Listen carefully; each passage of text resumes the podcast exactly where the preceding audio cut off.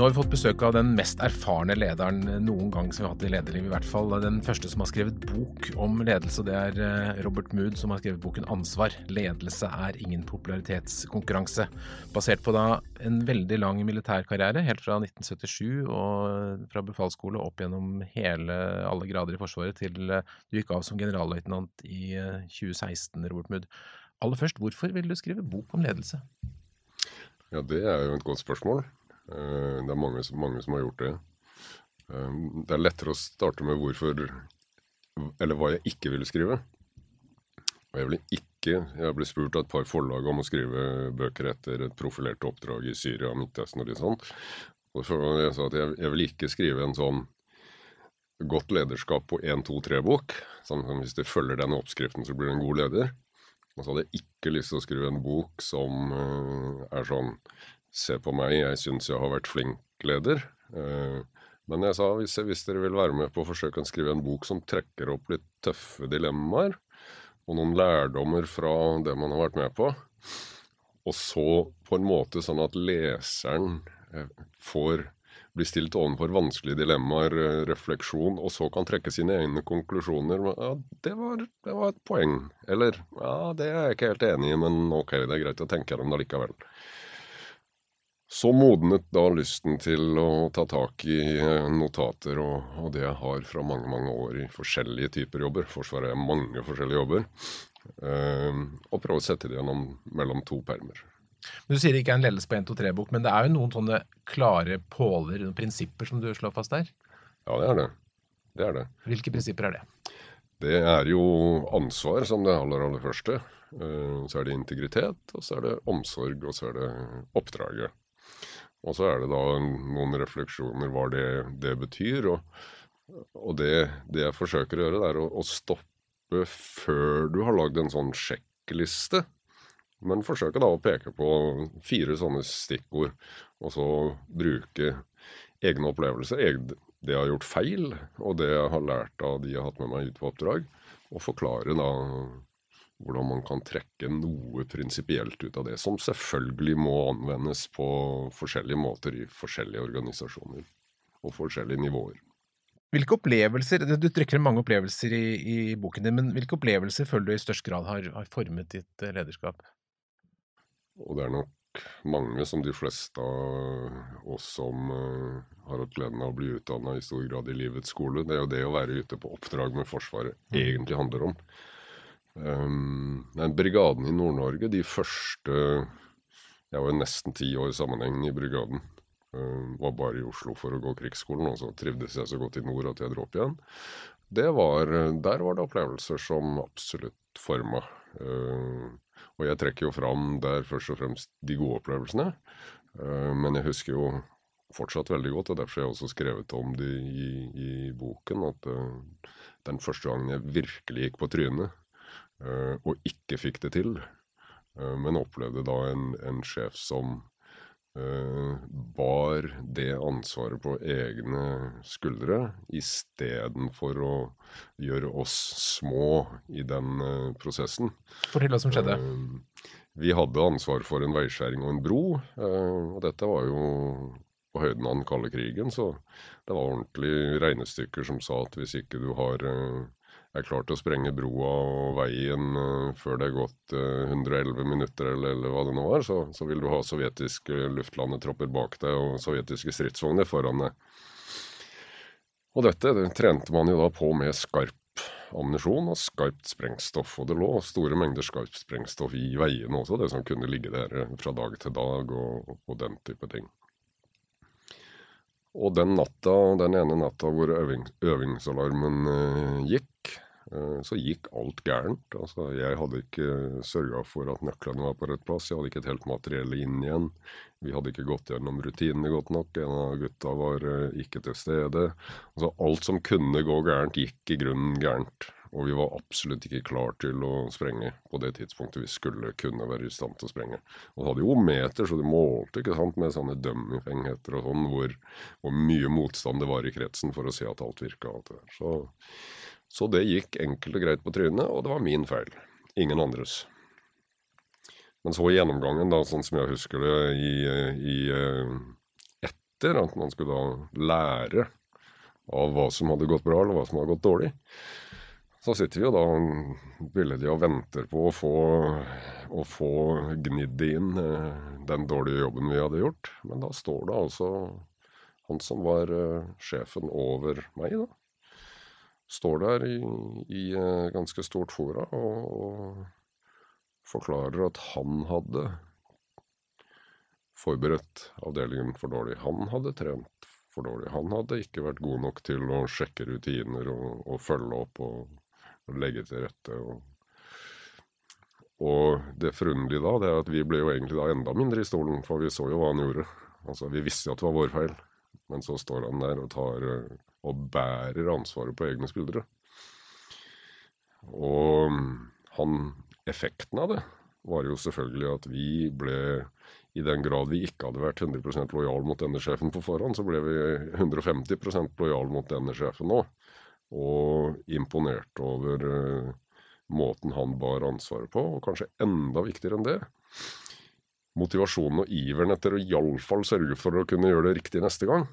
Den, jo, den, vokste jo i takt med han som sto der da og bar ansvaret så tydelig på egne skuldre. Så han han demonstrerte noe som har blitt en, sånn, en slags læresetning for meg eh, i mange jobber, nemlig at det, det, er sjefens ansvar når det går galt. Og så er det teamets fortjeneste når det går bra. Og hvis du kan putte inn i det eh, noe som Å relatere det til den jobben du står i der og da, eh, så er det en fryktelig god start på, på mye. Er den historien noe av grunnen til at du har løftet opp ordet ansvar som tittel på boken? Ja, det er det. Og så er det også flere andre historier um, fra både ute og hjemme, hvor det med ansvar og måten å bære ansvaret på kommer tilbake igjen. Uh, for jeg har jo møtt og sett ledere som har uh, gjort sitt ytterste for å skyve ansvaret fra seg i enhver situasjon, og opplevd da hvordan avdelingen hvordan teamet da ble dårligere og preget av interne stridigheter og, og diskusjoner. Mens de, de, lederne da som sto i dette ansvaret tydelig, og som, som bokstavelig talt reiste seg opp og vokste fram når det var noe som ikke lyktes, når det gikk galt. Og hvordan de da inspirerte laget under ikke sant, til at dette her skal iallfall ikke skje igjen. ikke sant, og og øh, vi skal få det til øh, neste gang. Det, det, har jeg sett på mange nivåer. Uh, fra det laveste som i brigaden til å begynne med, til, til, de høyeste nivåene. Og vi ser det jo i politikken hjemme. Det vanskeligste dilemmaet i forhold til det å bære ansvar er jo statsministeren etter 22.07. Hvor det jo er ingen som helst slags tvil, og dette er trukket opp i Gjørv-kommisjonen i andre sammenhenger, at eh, altså, regjeringen hadde ansvar for at vi ikke var forberedt. Og som statsminister så bærer du da selvfølgelig det øverste ansvaret for det som gikk galt 22.07. Og da står du jo i et sånn helt forferdelig dilemma. Hvordan skal du bære det ansvaret? Skal du bære det ansvaret ved å, ved å faktisk ta et individuelt personlig ansvar og gå av? Eller skal du bære det ansvaret ved å stå i det og sørge for at, uh, å gjøre ditt ytterste i jobben for at noe slikt ikke skjer igjen. Men så har du en tredje dimensjon som ledere også bør reflektere over, nemlig hvilket eksempel setter du med det du gjør? For alle ser jo på lederen, uh, særlig i krise. Hvilket eksempel setter du da med det du gjør? Og hvis du etter eh, de mest graverende feil velger å bli sittende og si jeg skal sørge for at det ikke skjer igjen, så sender du kanskje et signal til, til kommende ledere om at uh, uansett hvor dramatiske hendelser, hvor store feil som skjer, uh, så får det ingen konsekvens for deg som individ. Men hvis du da gjør det motsatte og sier at dette, dette var en så grov feil, jeg har ansvaret som øverste leder, jeg går av, så setter du et eksempel for fremtidige ledere og, som sier at uh, det vil kunne ha en personlig individuell konsekvens når det går galt. Og kanskje er det da slik at det eksempelet ville stimulert en gjennomføringsevne og en vilje til å bære ansvaret, som er noe av det vi mangler i utøvelsen av ledelsen her hjemme. Så helt fra det vonde dilemmaet en statsminister står i etter en sånn hendelse som 22.07, til det lille hvor jeg hadde mine åtte personer, uh, så handler det veldig mye om hvordan du bærer ansvaret, hvordan du utøver ansvaret, og hvilket eksempel du setter som leder ved måten du forholder dette ansvaret på, og hvordan det påvirker da de rundt deg, og de som kommer etter. Men tenker du det hadde vært riktigere av Jens Stoltenberg å gått av etter 22. juli? Fra et lederperspektiv så tror jeg det hadde vært sunt for, eh, for Norge. Uh, at eksempelet som ble satt, var at uh, dette var så ille, og det var statsministeren som var den øverste ansvarlig. Så da ville du satt et veldig veldig tydelig signal til de som kommer etter. At det er faktisk slik at eh, noen av de eh, tiltakene som kanskje ikke er så populære eh, i det daglige, de må du bruke krefter på å få gjennomført når du er i en politisk lederrolle, selv om det kanskje ikke gir stemmer i morgen eller i overmorgen. Men man kan jo tenke også at han eh, lærte av det og ble en bedre leder? Nettopp. Og ikke bare det, men altså det kan jo tenkes at det er riktig eh, når han eh, og andre ledere sier at eh, det å bli sittende og rette opp det som gikk galt, er måten å utøve ledelse på. Så det viktigste for meg er jo ikke at jeg, min preferanse er på at i den situasjonen burde han gått. Det viktigste for meg er jo nettopp å trekke opp disse dilemmaene. Slik at de som har glede av å lese denne boken med de forskjellige historiene, kan kjenne på det i magen og tøffe dilemmaer. For hvis du vil bli leder, være leder og vokse til større lederoppgaver, så vil du før eller siden komme i dramatiske situasjoner på den ene eller den andre måten, hvor du må ta tøffe valg. Da er det greit å ha tenkt gjennom det på forhånd. At det er flere måter å håndtere det på. Det er det du gjør, er kanskje mye viktigere enn det du sier. Eh, og det vil sette et uh, eksempel. Det du er ganske tydelig på, i boken på at uh, norske politikere helt, ikke helt lever opp til den standarden du er vant til? Ja, det jeg ser fra, fra når jeg bruker målestokken fra operative avdelinger i felt, da, og ser hva som virker, og det som ikke virker Når jeg bruker den type målestokk i tilbake og ser på styring i det offentlige Norge og, og politisk lederskap, mm. Så ser jo ikke jeg den type ledelse. Og det tror jeg da, og det mener jeg, og derfor har jeg også skrevet boken, at det er nyttig å reflektere over. Fordi at eh, hvis, hvis lederskap Hvis det lederskapet som virker i operative avdelinger, er at sjefen bærer ansvaret, det er mitt ansvar hvis det går galt. Det er teamets fortjeneste når det går bra. Og ansvaret er noe du søker. Det er ikke noe du alltid forsøker å skyve fra deg. Det er ikke noe du kan velge å ta eller ikke ta. Hvis det er, og det er det, det, det mye av det positive med lederskap i, i, den type situasjoner, så er det jo da det vi ser i det offentlige Norge og de politiske, kanskje nettopp definisjonen på det stikk motsatte. Det er jo en øvelse i å skyve ansvaret over på alle andre. Det er en øvelse å sørge for at man ikke må være et ansvar som kan koste stemmer. Og det er jo politikkens vesen. Um, men like fullt er det sånn. Og da er vi inne i diskusjonen om hvorvidt uh, det å drive politikk på, på høyere nivåer er å være leder, eller om det er å være en spiller. Ja, for du eh, er kritisk til norske politikere generelt? Uh, ja og nei. Jeg sier jo eksplisitt i denne boken at jeg er blitt imponert over veldig mange individer, inkludert de få jeg har nevnt ved navn. Men jeg sier at det lederskapet som utøves, det er i for stor grad et spill om stemmer, et spill ut fra om man, man vurderer at man kanskje kan tape stemmer enn det å akseptere at hvis du er statsråd i et land, i dagens politiske situasjon, på det store lerretet også her hjemme, det er kanskje i større grad å akseptere at du er leder. Og da er det du sier, og det du gjør, uhyre viktig. Men er det ikke helt forskjellige ting? Det å være politisk leder og det å være militærleder? Ja, det er jo det store spørsmålet, da. Er å være politiker å være en, en spiller, en posør, en, uh, en som utnytter alle fordeler, skyver ansvar fra seg og, og, le, og er best på det spillet? Mm. Eller er det å være en nasjonal leder? Uh, hvis du går til det ekstreme, så, så, havner du over i å være diktator, ikke sant? Mm. Hvis du, ja. På den sida.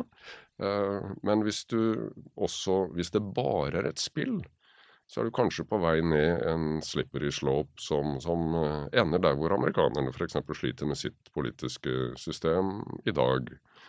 Så å gå inn og kjenne på den, både for oss som faktisk bestemmer hvem som skal sitte i Norges øverste tillitsverv. Men jeg har også fått tilbakemeldinger fra politikere, som stortingspolitikere med lang fartstid, som har lest boken, mm. om at det å kjenne på det spørsmålet der, i hvor stor grad er du leder, versus å bare være spiller, det sier de er, er nyttig. Og, og det er tidsriktig nå. For det er nå vi trenger kanskje å se på om vi trenger å, å revitalisere demokratiet vårt og, og, prosessene våre. For å sørge for at vi ikke sklir ned den slipper i slopen fordi jeg ikke finner et bedre norsk ord, slik at uh, velgerne uh, i for stor grad mister troen på at mm. faktisk Stortinget vårt og politikerne våre vil, vil vårt beste og ser alle. Men ser du noe bra ledelse i det offentlige Norge, eller er det bare sorgen? Ja, det ser du selvfølgelig. Det vil du trekke frem noen ledere som er bra? Jeg, jeg um, når jeg har vært gjennom og bruker disse episodene fra Brigaden i Nord-Norge og fra internasjonale operasjoner, så er det jo to hovedkonklusjoner som jeg syns er interessant å by på i en sånn sammenheng. Mm. Uh, og det er uh, Det ene er altså at lederskapet som utøves, er for svakt. Og det handler jo om på det store lerretet også om FN og Nato mm. og EU. Og, og, og, og, her hjemme så handler det altså om det politiske lederskapet. Og det andre poenget det er jo at vi har en struktur som nærmest, og systemer som nærmest forhindrer effektiv ledelse og god ledelse. Og så sier jeg også at det, det, handler ikke om individer, det handler ikke om kompetanse. ikke sant? Det handler ikke om det, men det handler om lederskapsutøvelsen, det du gjør som leder. Og det handler om uh, struktur og systemer. Og der hvor du f.eks. Eh, jeg beskriver jo uh, bl.a. Uh, situasjoner ute i operasjoner hvor i en avdeling så hadde sjefen eh, lagt seg til et system hvor når det skjedde noe dramatisk på et sjekkpunkt, altså en kontrollpost, en vei, ikke sant, hvor det er satt opp betongblokker eller, eller sånne stålbarrierer, og så mm. bilene kommer fram, skal du sjekke for, at, for, å se at det ikke er våpen og, og sprengstoff i bilene, eller noe smugles som ikke mm. skal smugles. Og når det da blir et sammenstøt der, det er klart, Da går alarmen. og I dette tilfellet da, så gikk alarmen da flere nivåer opp. Og, og, og denne sjefen hadde vent seg til å lage et system hvor han bokstavelig talt sprang ut av operasjonsrommet, heiv seg i bilen og kjørte ut rett inn i situasjonen lokalt og overtok eh, styringa. Det gjorde at han kollapsa mange nivåer i organisasjonen, og de ressursene som, som burde ha vært til støtte, de var ikke klare. Så det førte, skapte mange flere problemer enn det det løste. Så når man snudde på det, da, og i de avdelingene som, som er gode ute, og det gjelder for øvrig operative avdelinger hjemme òg, jeg tror du vil se det, mye av det samme i politiet, i, eh, i hjelpekorpset, i Røde Kors og andre steder. For du snudde på dette, og gjorde det på den måten at man aksepterte at det er lokal leder der framme som faktisk forstår hva som foregår, ser hvilke mennesker som er der, ser hvilke utfordringer som er der. Så når det skjer noe der framme, så beholder ved lokal leder ansvaret. Mm. Og det sjefen inne i operasjonsrommet gjør, det er at han sørger for helikopter i lufta. Uh, minerydderne er klare, ingeniører er klare, ambulansen er klar. Alle disse ressursene som kan tenkes behov for der framme, kjøres fysisk så nærme som mulig bak svingen og står klar. Mm. Og så når du sier 'nå trenger jeg bombehund', eller 'nå trenger jeg ingeniører', eller 'nå har vi en skada med en ambulanse', så er de bokstavelig talt noen få minutter unna, kjører fram, melder seg for deg, sier 'her er vi', mm. du har sagt du trenger dette, jeg jobber nå for deg, hva kan jeg gjøre for deg? Så hvis, på et tidspunkt, hvis dette da eskalerer ut av kontroll, så får du neste nivå og neste nivå og neste. Og sjefen på det øverste nivået, som tidligere kjørte rett inn i situasjonen og kollapsa strukturen, og underkjente vurderingene til lokal leder der framme, sitter i Jobsen og konsentrerer seg om å stable ressurser på beina, strategisk ledelse, og gjøre de ressursene tilgjengelig slik at når lokal eh, leder eh, ber om de, så får han de. Det lederskapet praktiseres i operative avdelinger. Det virker, det fungerer i krise, og det gir veldig gode resultater. Hvis vi så tar den filosofien med oss hjem til Norge, så sier norske mellomledere um, at det i det norske offentlige er det omtrent stikk motsatt. Mm. For de har så mange overordnede mål, de har så mange styringsparametere, de har så mange krav om rapporter, de har så mange pålegg om eh, detaljer som skal innfris, at de er bokstavelig talt bundet på hender og føtter og får ikke frihet til å vurdere sin situasjon og skape den forløsende energien uh, som gir at de kan finne de beste løsningene. Og da blir det dårlig utøvelse og ledelse i et system som ikke stimulerer den, eh, den iveren, den handlekraften, den, eh, det rommet hvor de finner de beste løsningene lokalt. Så jeg mener da her, her er det en overføringsverdi i det prinsipielle. Men Det du beskriver er jo gammel kunnskap. Altså er Selvfølgelig er det gammel kunnskap. Hva er det som hindrer det? Altså hvorfor, er, hvorfor utvikler seg en annen kultur, f.eks. offentlig? Det er jo eh, det er mange sånne motefenomener da, som, som, egentlig kommer tilbake igjen med jevne mellomrom. Eh, balansert målstyring, New Public Management eh, eh, og andre Når du har vært med i mange år, da, så mm. ser du jo at dette kommer tilbake igjen i litt annen klesdrakt eh, med jevne mellomrom, for mm. å si det slik. Eh, så det er vel uttrykk for både at uh, i et, i et, politisk system så er jo politikere opptatt av å levere i forhold til sin, sin velgerbase mm. og i forhold til sitt parti, så de vil jo forsøke å få pressa gjennom akkurat den det elementet som gjør at de da, de da kan hevde at det, eh, dette sa vi i fjor, og dette har vi nå levert på. Men det du beskriver er jo sånn Militær ledelse er veldig sånn autoritært, det er ganske hierarkisk. Ja, det er ikke det, vet du. Sånn. Det er det som er feil. Er det ikke det? det, ikke det. Jeg oppfatter det sånn. Fortell. Det er jo en av mytene. Den episoden vi akkurat snakka om, eh, eller den type episode vi akkurat snakka om, hvor en lokal leder står framme, mm. håndterer en dramatisk situasjon, og ledelsene bakover konsentrerer seg om å stable ressurser på beina, gjøre det klart, støtte, løfte fram, den er jo, eh, den er jo ikke autoritær. Den er jo nettopp basert på at det du gjør når du er sjef, det er at du spiller teamet ditt godt det er at du setter dine lokale ledere, de utøvende lederne, du setter de i en posisjon og støtter de med ressurser som gjør at de kan levere best mulig resultater.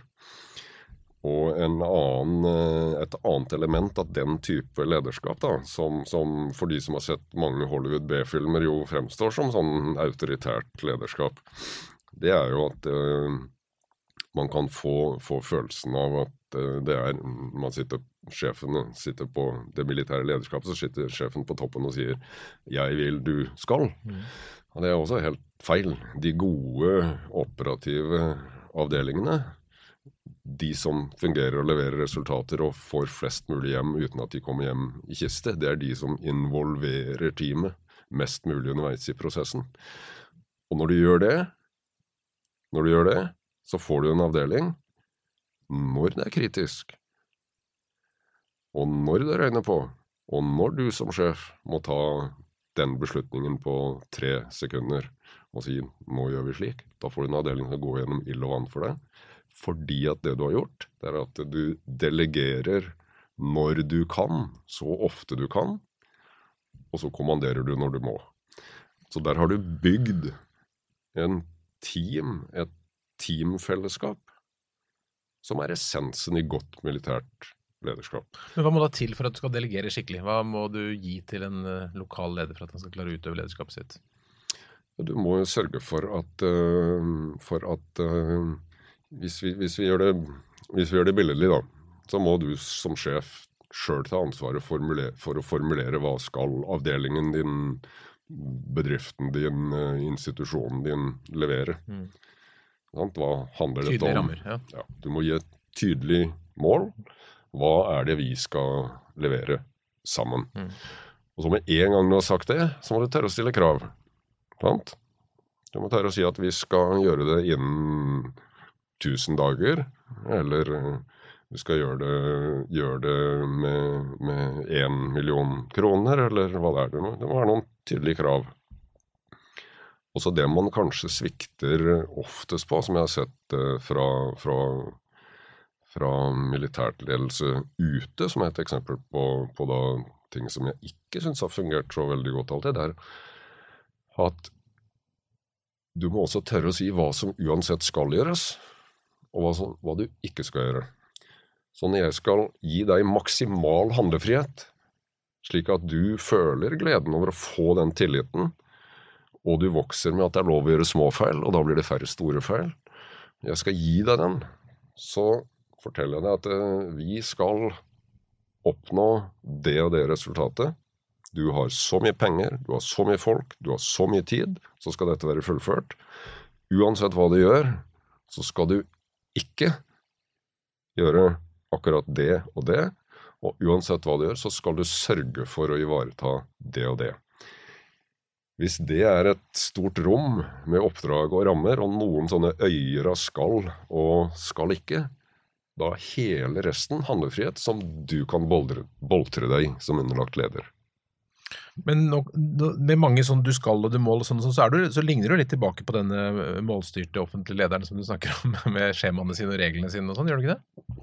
Jo, men uh, balansert, mål, Læreren, da, si sånn. balansert målstyring, mm. eller um, hva heter det nå? Jeg lurer på det heter, ja, det heter uh, New Public Management, ja. eller det var kanskje det nest siste mm. Men det er jo basert på en teoretisk tilnærming til ledelse som i utgangspunktet er god. Mm. For det er jo basert på at du definerer mål, du stiller krav, og du gir noen parametere, du har noen styringsprogram. Men problemet som beskrives fra det offentlige Norge, det er at dette har blitt et uh, altomfattende troll av styringsparametere og krav og rapporteringskrav, mm. som gjør at all tiden brukes på å tilfredsstille systemet, verktøyet i seg sjøl. Slik at det er blitt en karikert utgave av et styringssystem som i utgangspunktet er en god idé. Og I Forsvaret, i militær sammenheng så kaller man jo dette oppdragsbasert ledelse. ikke sant? Du definerer mål og stiller krav og mm, gir mm. rammer, og så overlater du. Fortell hva som skal gjøres, ikke mm. sant? og så finner underskogen ut hvordan. Mm. Så problemet her ligger nok ikke i, i, at ikke det er en god idé. Men de operative avdelinger, både fra militærledelse og fra andre operative avdelinger som da har gjort dette i praksis, erfart, lært av sine feil, gått videre og fått muligheten til å ha, det, ha livets skole i kombinasjon med den teoretiske ideen, de sørger for at det ikke blir et overveldende antall krav om rapporteringer og, og styringsparametere, slik at det blir eh, handlingssystemet blir handlingslammende. Men i det offentlige Norge så beskriver alle de mellomlederne jeg er ute og prater med og holder foredrag for innimellom om, om ledelse, at her er det blitt et altomfattende passiviserende redskap som forhindrer oss fra å utøve god ledelse. Og enda mer alvorlig enn det, at vi kanskje bruker ganske mye skattepenger rett og slett på feil måte. Så hvis du hadde blitt valgt til statsminister, hva hadde skjedd? Ja, det kommer jeg aldri til å bli.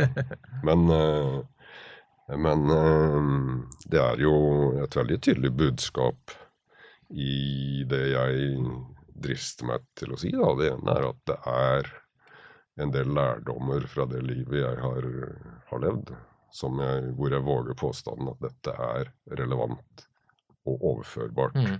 også hjemme. Og da har vi ikke vært innom uh, bevæpning av politi Nei. og kultur og de tingene der, mm. som er minst like viktig. Mm. Og at for det landet i verden, i, av alle de landene jeg har vært og jobba i, så er Norge det landet som har best utgangspunkt. Mm. Vi har ressurser. Vi har fantastisk ungdom. Vi har et fellesskap som skiller seg ut fra veldig mange andre. Vi har penger på bok, vi har gründere, vi har næringsvirksomhet hvor du ser at det blomstrer. Og i forhold til FNs bærekraftsmål så ser du nå bedriftslivet og finansen eh, begynner å fokusere på mulighetene istedenfor at dette er til hinder for alt mulig rart. ikke sant? Norge har verdens beste utgangspunkt for å gå videre inn i framtida, hva nå det måtte bli. Eh, og gjøre det på en sånn måte at vi er et inspirerende eksempel for andre land, og bruker våre egne skattepenger på en mye, mye, mye bedre måte enn i dag. Hvis vi fortsetter nøyaktig som i dag, så er vi jo på vei i nøyaktig samme retning som, eh, som eh, Ikke i samme retning, men med en norsk målestokk på, i den retningen hvor amerikanerne er i dag, hvor tilliten mellom store velgermasser og det politiske systemet er så ødelagt at du får sånne karikerte utslag. ikke sant? Og det er selve demokratiet som utfordres innenfra og har store problemer. Vi er i den situasjonen at vi kan begynne å gå i en ny retning nå. Og da handler det om mennesker. Det handler om å legge til rette for at mennesker får tillit, får anledning til å gjøre jobben sin da kan vi bruke pengene på en, på en riktig måte, og da vil du få bedre resultater. Men det må vi gjøre i dag. Vi kan ikke vente i 10-20 år til. Vi må starte den prosessen i dag. Og da trenger du å tenke gjennom hvilket lederskap som fungerer. Hvilke struktur vi har som forhindrer en ledelse som spiller på mennesket og menneskets ønske om å, å mestre og skape resultater og et system som stimulerer, skaper energi, inspirerer og løfter fram, heller enn å passivisere og forhindre og blokkere.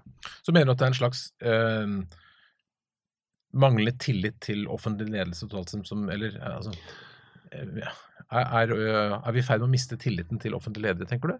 Ja, absolutt.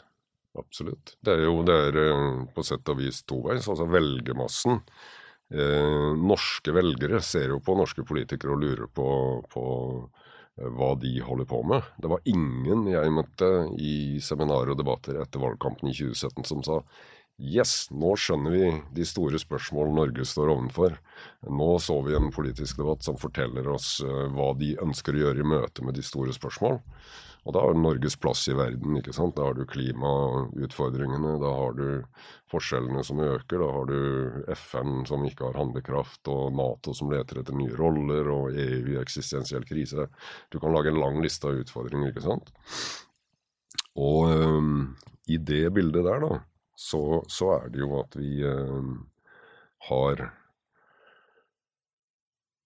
alle muligheter for å starte og være et eksempel for verden der ute, og endre systemet hjemme hvis vi vil uh, i dag.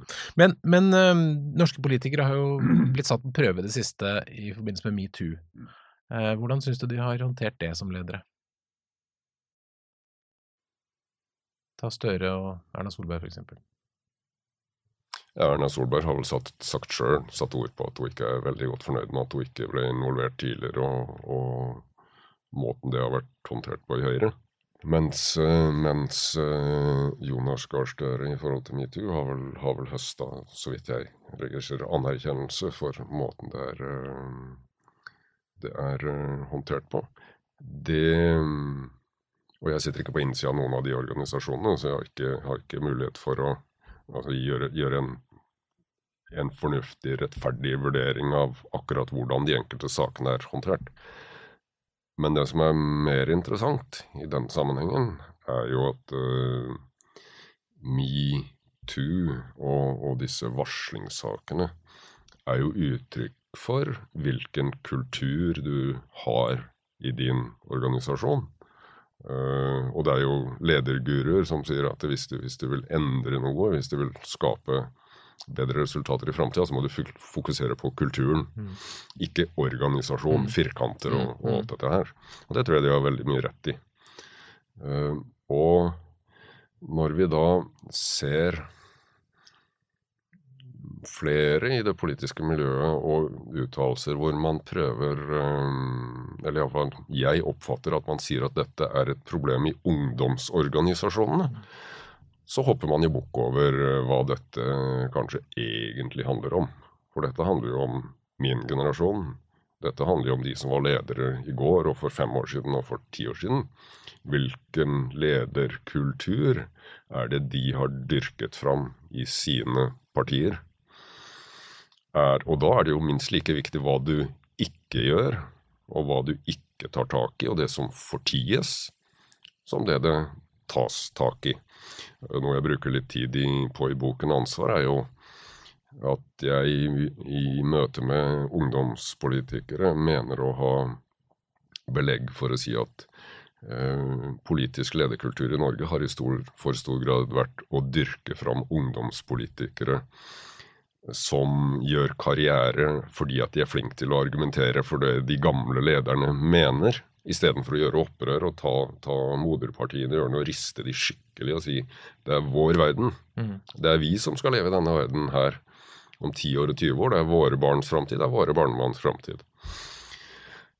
Og i et sånt bilde så handler jo metoo, sånn som det har utvikla seg, vært om maskulinitetskultur. Det handler om gamle gubber som meg, mm. som tar seg til rette, er i en maktposisjon og jakter på unge jenter eller unge gutter. Men det handler, og da har jeg også sagt at det handler om en maktkultur. ikke sant? Maskulinitetskultur, maktkultur. Så handler det om fyllekultur.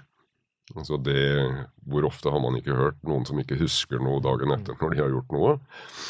Og det handler om det vi i min generasjon har oversett og, og, og, sett gjennom fingrene med og ikke tatt tak i. Altså den kulturen som er skapt.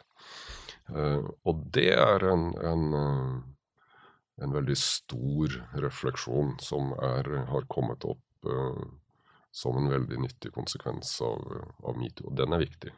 Tror du det påvirker Røde Kors f.eks., hvor du selv er president? Røde Kors er en stor frivillig organisasjon med, med veldig, veldig mange medlemmer og frivillige. Og vi jobber med sårbare unge. Vi har eh, eldre i samarbeid med unge. Og det, jeg er helt sikker på at vi har, har eh, våre saker. Og det er eh, fastsatt rutiner og mekanismer for å ta tak i dem. Men det som kanskje er mest spennende med Røde Kors, er at jeg opplever nå som fersking i Røde Kors, mm. noen få måneder, at de ble tvunget til å ta tak i det for en 10-15 år siden, faktisk. Eh, så ligger litt i, i forkant. F.eks. For ved at eh, på Røde Kors-arrangementer så, så serveres det ikke alkohol betalt av organisasjonen. Mm. Hvis det er et måltid hvor det er naturlig å ta et, et, et glass vin til, så må, må man kjøpe det sjøl, enten man er ung eller gammel. I en sånn sammenheng. Så det har vært en, en, prosess, tror jeg, tvunget fram av en erkjennelse for en 10-15 år siden at uh, um, kvinners rolle, unge, sårbare menneskers rolle i møte med voksne i forskjellige aktiviteter, det, det skaper situasjoner som gjør at vi må være veldig bevisste på det. Forsvaret har jo vært uh, sluppet godt unna denne runden, i hvert fall, men det er vel kanskje fordi at det også der har vært prosesser tidligere i forhold til trakassering? Forsvaret har helt sikkert sine, sine, utfordringer i dag også, akkurat som Røde Kors og de andre organisasjonene. Men jeg tror, jeg tror Forsvaret også lærte av en del episoder med, med kvinner inn i operative avdelinger for en 10-15 år siden, og har jobba veldig bevisst med problemstillingen hele tiden siden. Eh, men det er noen morsomme det er noen morsomme dilemmaer her. da. Jeg har én som jeg kjenner veldig godt, som, som eh, var ved garnisonen i Sør-Varanger. Når de bestemte lokalt at de skulle ha miksrom, altså seks, seksmannsrom, mm. er jo det vi kjenner fra Forsvaret. ikke sant? Tre køyesenger og, Mm. og seks skap og, og alt det der. Men de tok initiativet sjøl. Nå, nå, nå skulle det være slutt på at det var jenterom og gutterom, eller jenteetasje og gutteetasje. De argumenterte med at det gjør det jo bare mer spennende. Mm. Så det er et jenterom i enden av gangen som attpåtil låses, og resten av rommene i gangen er, er gutterom. Da, da, du skal ikke være mye gutt før du, før du syns at det er spennende og morsomt å utfordre og utmanøvrere og alt dette greiene her. De sa dette skal vi, vil vi ikke ha lenger, så nå lager vi miksrom. Vi skal ha jenter og gutter sammen på seksmannsrom, og vi er helt sikre på at det kommer til å fungere bra. Det fungerte veldig bra. Og jentenes tilbakemelding var at de opplevde å få større respekt fra gutta, og følte seg inkludert som en del av teamet på en helt annen måte. Men da dette kom hit til Oslo, til, eh, til Forsvarets øverste ledelse, som jeg da var en del av, og den politiske ledelsen, så klarte man ikke rett og slett å akseptere at det var en måte å tenke på. Så da ble det sånn nei, det er helt uaktuelt. Vi kan ikke ha unge jenter og unge gutter sammen på seksmannsrom. Da legger vi opp til at noe skal skje. Og det illustrerer jo for meg det at det, det, det handler veldig mye om å få å si, Det er vanskeligere å få, få gamle tanker ut enn å få nye tanker inn. For de unge som sa vi lager miksrom, for det skaper bedre team, det skaper større samhold og alt det der, de hadde jo helt rett. Hva skjedde i den saken? Fikk de lov å utøve Nei, de fikk nei. De fikk nei eh, først, men så litt etter hvert så ble det vel en modningsprosess, og etter hvert så praktiseres jo dette nå i flere, flere avdelinger. Så det var egentlig litt dårlig lederskap da, fra dere på toppen, som, som ikke lyttet til de lokale? Ja, det kan jeg godt akseptere at det var. Det, for, det var for fremmed, og det er jo Det er et tankekors i sånne historier, for jeg hørte og jeg leste Si det i Aftenposten. Det er morsomt å lese innimellom. Mm. Der er det ting å plukke opp. Mm. Og jeg, det jeg husker, da, og sånn som jeg husker det nå, for nå jeg kan, eh, kan ikke gjengi akkurat hva som sto, men sånn som jeg husker det, så var det en ung jente på noen og tyve år som forteller om en episode hvor hun kommer inn til sjefen. Det kan kanskje være en sånn som deg, dress og, og du ser ut som en sjef, ikke sant, og hvit skjorte og alt det der. Og, og så skal de ha et møte om et eller annet prosjekt da, som denne unge jenta, som beskriver seg sjøl som 21 år eh, den gangen. Og så starter du med å si at 'så fin du er i dag'. Um, og hennes videre logikk da er at da er hun satt ut og plassert i en kjønnsbås med en gang. Og det traff meg veldig, for jeg er den typen som har sagt både til eh, oftest til kvinner, men også til menn, at eh, nei, jøss, i dag ser du virkelig fin, fine klær og frisk og opplagt. Og jeg har ikke tenkt over at Jeg har ikke engang vært i nærheten av å tenke over at for en 20 år gammel jente på veien, så, så kan det oppfattes som å bli satt i en bås og ikke være i en arbeidsrelasjon med en gang. Og det illustrerer da det, det er så viktig at vi tør å åpne vår måte å tenke på og utfordre og kjenne litt på ubehaget og utfordre oss sjøl, da. I dette, og da kan det jo komme veldig veldig mye positivt ut av eh, den endringen som er nå. For jeg tror det er på høy tid. Helt til slutt, vi skulle gi tre gode råd til en virksomhetsleder. Hvordan blir man en god leder? Det som det er jo ofte litt fornuft, forhåpentligvis litt fornuftig, det som da, da kommer, eh, kommer, eh, kommer raskt. Og det, det ene er å være deg sjøl. Hvis du prøver å spille roller, eller prøver å etterligne noen, så går det galt. Du må være deg sjøl. Og det andre er eh, Du må aldri slutte å undre deg og søke kunnskap. Eh, les bøker. Eh, og etter hvert som du kommer i, i høyere lederroller, så, så lær deg til å stille flere spørsmål enn å ytre noe. Mhm. Og det siste, det tredje, eh, tror jeg da vil være Bær ansvaret sjøl, men stol på dine medarbeidere og spill laget ditt godt. Da blir det bra resultater. Det syns jeg var en bra avslutning. Takk for at du kom til Lederliv. Takk for at du har lyttet til Lederliv, en podkast produsert av Apeland. Trykk abonner, så får du et varsel neste gang det kommer en episode.